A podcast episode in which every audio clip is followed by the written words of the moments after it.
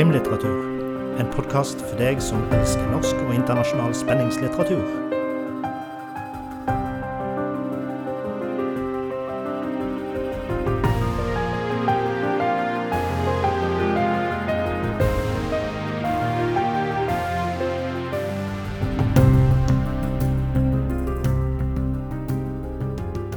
Velkommen til en ny episode av podkasten Krimlitteratur. I dag så har vi fått besøk av Jon Christian Møller, som har skrevet kriminalromanen 'Mørkt nett'. I tillegg til det så har han jobba innenfor bistand og politi i veldig, veldig mange år. Eh, velkommen til oss, Jon Christian. Jo, tusen takk for det. Du, eh, kan du fortelle litt om din profesjonelle bakgrunn? For den er et bakteppe for den boka som du skrev for et par år siden. Jeg har jobbet i staten i nesten 30 år. Begynte med tre år i Forsvaret. Eh, deretter så har jeg vært i politiet i eh, nærmere 20 år. Eh, begynte som politikonstabel og kjørte politibil. Og ble etter hvert etterforsker spesialisert med, i barnesaker. Eh, drap og voldtekt stort sett ikke. Og var på Kripos eh, en periode. Jeg har også jobbet i høyere partiledelse i Politidirektoratet. Først og fremst med internasjonale oppgaver. Eh, etter hvert så eh, takket jeg for meg i politiet og eh, søkte lykken i, UD, hvor jeg da var nesten seks år som diplomat da i, ved den norske FN-delegasjonen i, i, New York. Jeg jobbet bl.a. med FNs sikkerhetsråd i, i to år. FN har jo vært viktig for meg. Jeg har jobbet til sammen tre år også i FN, i fredsoperasjoner i, i felt. Så det, det, er en organisasjon som har fulgt meg i veldig mange år, og som også selvfølgelig preger debuten min som kom for to år siden. Da skal vi jo komme litt inn på det som er tematikken i 'Mørkt nett'.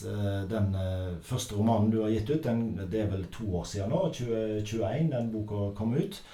Og der tar du tak i noe av det såreste og vanskeligste som en kanskje kan komme over, både som politimann, som du har vært i mange år, men òg som bistandsarbeider. Og det er det som handler om overgrep mot barn. Det brant denne tematikken så sterkt inn i deg at du tenkte at dette, dette er jeg nødt til å få skrive noe om? Ja, det kan du godt si. Det er jo, Overgrep mot barn er jo tema i boken. Men vel så mye tema, det er jo hvordan det også pågår misbruk i fattige land. Man har sexturisme, som er nok et tema som man må nok leve med på mange måter. Men det vi ikke skal leve med, det er jo det som går utover barn. Og spesielt begått av personer som er sendt ut for å beskytte dem. Som sagt, jeg har jobbet veldig mye internasjonalt. Jeg har vært i si, alle verdens konfliktsoner og har sett veldig mye og fulgt temaet tett i FN. Og jeg sier ikke at dette er et kjempestort problem når det gjelder omfang, men det er et stort nok problem til at organisasjoner mister kredibiliteten sin. Når FN-ansatte på si bokstavelig talt ble tatt med buksa nede med, med små barn, både gutter og jenter. Verdens helseorganisasjon blir det samme. Og man parallelt får saker hvor Kall det rike vestlige bistandsarbeidere utnytter sårbare lokalansatte. Og da snakker jeg ikke om barn lenger, men også voksne kvinner spesielt. Ved å kreve seksuelle tjenester for at kontraktene deres skal bli videreført. Så føler jeg at det er et tema som absolutt skal på dagsorden. Og litt av min motivasjon for å skrive var fordi at jeg vil at dette skal skrives om. Jeg vil, at, jeg vil bidra til å øke kunnskap. Jeg tror ikke boken min endrer verden, men det er en, en liten sten i den store muren som skal bygges for å bekjempe problemet. Fortell oss litt om handlingene i Mørknett. Litt sånn kort. Hva er det leseren vil møte der? Ja, Mange har jo spurt om en selvbiografisk bok. fordi det handler om et uh, norsk spesialisert polititeam som uh, blir sendt til Haiti for å jobbe mot uh, seksuelle overgrep mot barn. Styrke politiets evne til å jobbe med det der nede. Lokalt politi. Og Det er jo det samme jeg selv har gjort i over to år. Jeg har selv bodd der i ja, to, litt over to år og jobbet med den, den tematikken. Eh, så det er jo en del likheter. Men, eh, men, det er mye fiksjon. Eh, det er lett å skrive når du kan bruke egne erfaringer og eksempler, og det har jeg i høyeste grad gjort. Og det er klart jeg opplevde mye der nede. Jeg så mye, hørte mye. Opplevde ikke mange, nok en gang å understreke, det gjelder ikke flertallet, men du opplever en del rotten apples i systemet som er der kun for å mele sin egen kake. Som det går rykter om. Etter hvert finner du ut at de ryktene er ikke bare rykter, det er sannheter. Eh, så har jeg på en måte vridd om på dette her. Og det er jo en krimroman med de spenningstoppene det skal være. Og eh, det er bad guys og good guys. Men uh, istedenfor det klassiske drapet, så har jeg da valgt å bruke seksuelle overgrep og utnyttelse av maktposisjoner. Litt sånn metoo-problematikk uh, som kriminalitet. da. Når du eh, først hadde skrevet denne historien under pandemien, så, så ville jo den normale veien å gå for de fleste vil jo være å ta kontakt med en rekke med forlag og sende inn og vente på å få svar. og eh, håpe på at noen ønsker å gi den ut. Men du valgte en litt annen vei. Ja, nei, jeg eh, visste jo at uh, veien for å komme inn i et forlag er, uh, er så mikroskopisk. Og, så jeg tenkte at jeg, jeg gidder ikke å stå der med lua i hånda. Dette jeg gjør jeg selv. Jeg leste mye på internett om selvpublisering. Etter hvert så fant jeg et par norske aktører som kunne bistå. Boldbooks var dem jeg valgte. Jeg har vært kjempefornøyd med Boldbooks. Både med redaktør og språkvask og design hele pakka. Og jeg tenkte at uh, dette her er et hobbyprosjekt for meg. Jeg, jeg, blir ikke rik på å skrive en bok som uh, kanskje selger noen hundre eksemplarer. Uh, så da tenker jeg da kan jeg heller lære meg dette selv, lære meg bokmarkedet. Jeg var diplomat, jeg har vært i politiet, jeg kan staten. Staten kan jeg ut og inn på laveste og høyeste nivå, men bokbransje er ingen greie på. Så jeg syns det var veldig morsomt, da, og parallelt med den kreative delen med å skrive, altså lære meg da i tillegg bokarbeid. Og det lærte jeg fort at det var jo et eh, fag jeg ikke kunne. Så, så veien eh, var jo bratt. Læringskurven var bratt. Men eh, det har vært veldig morsomt.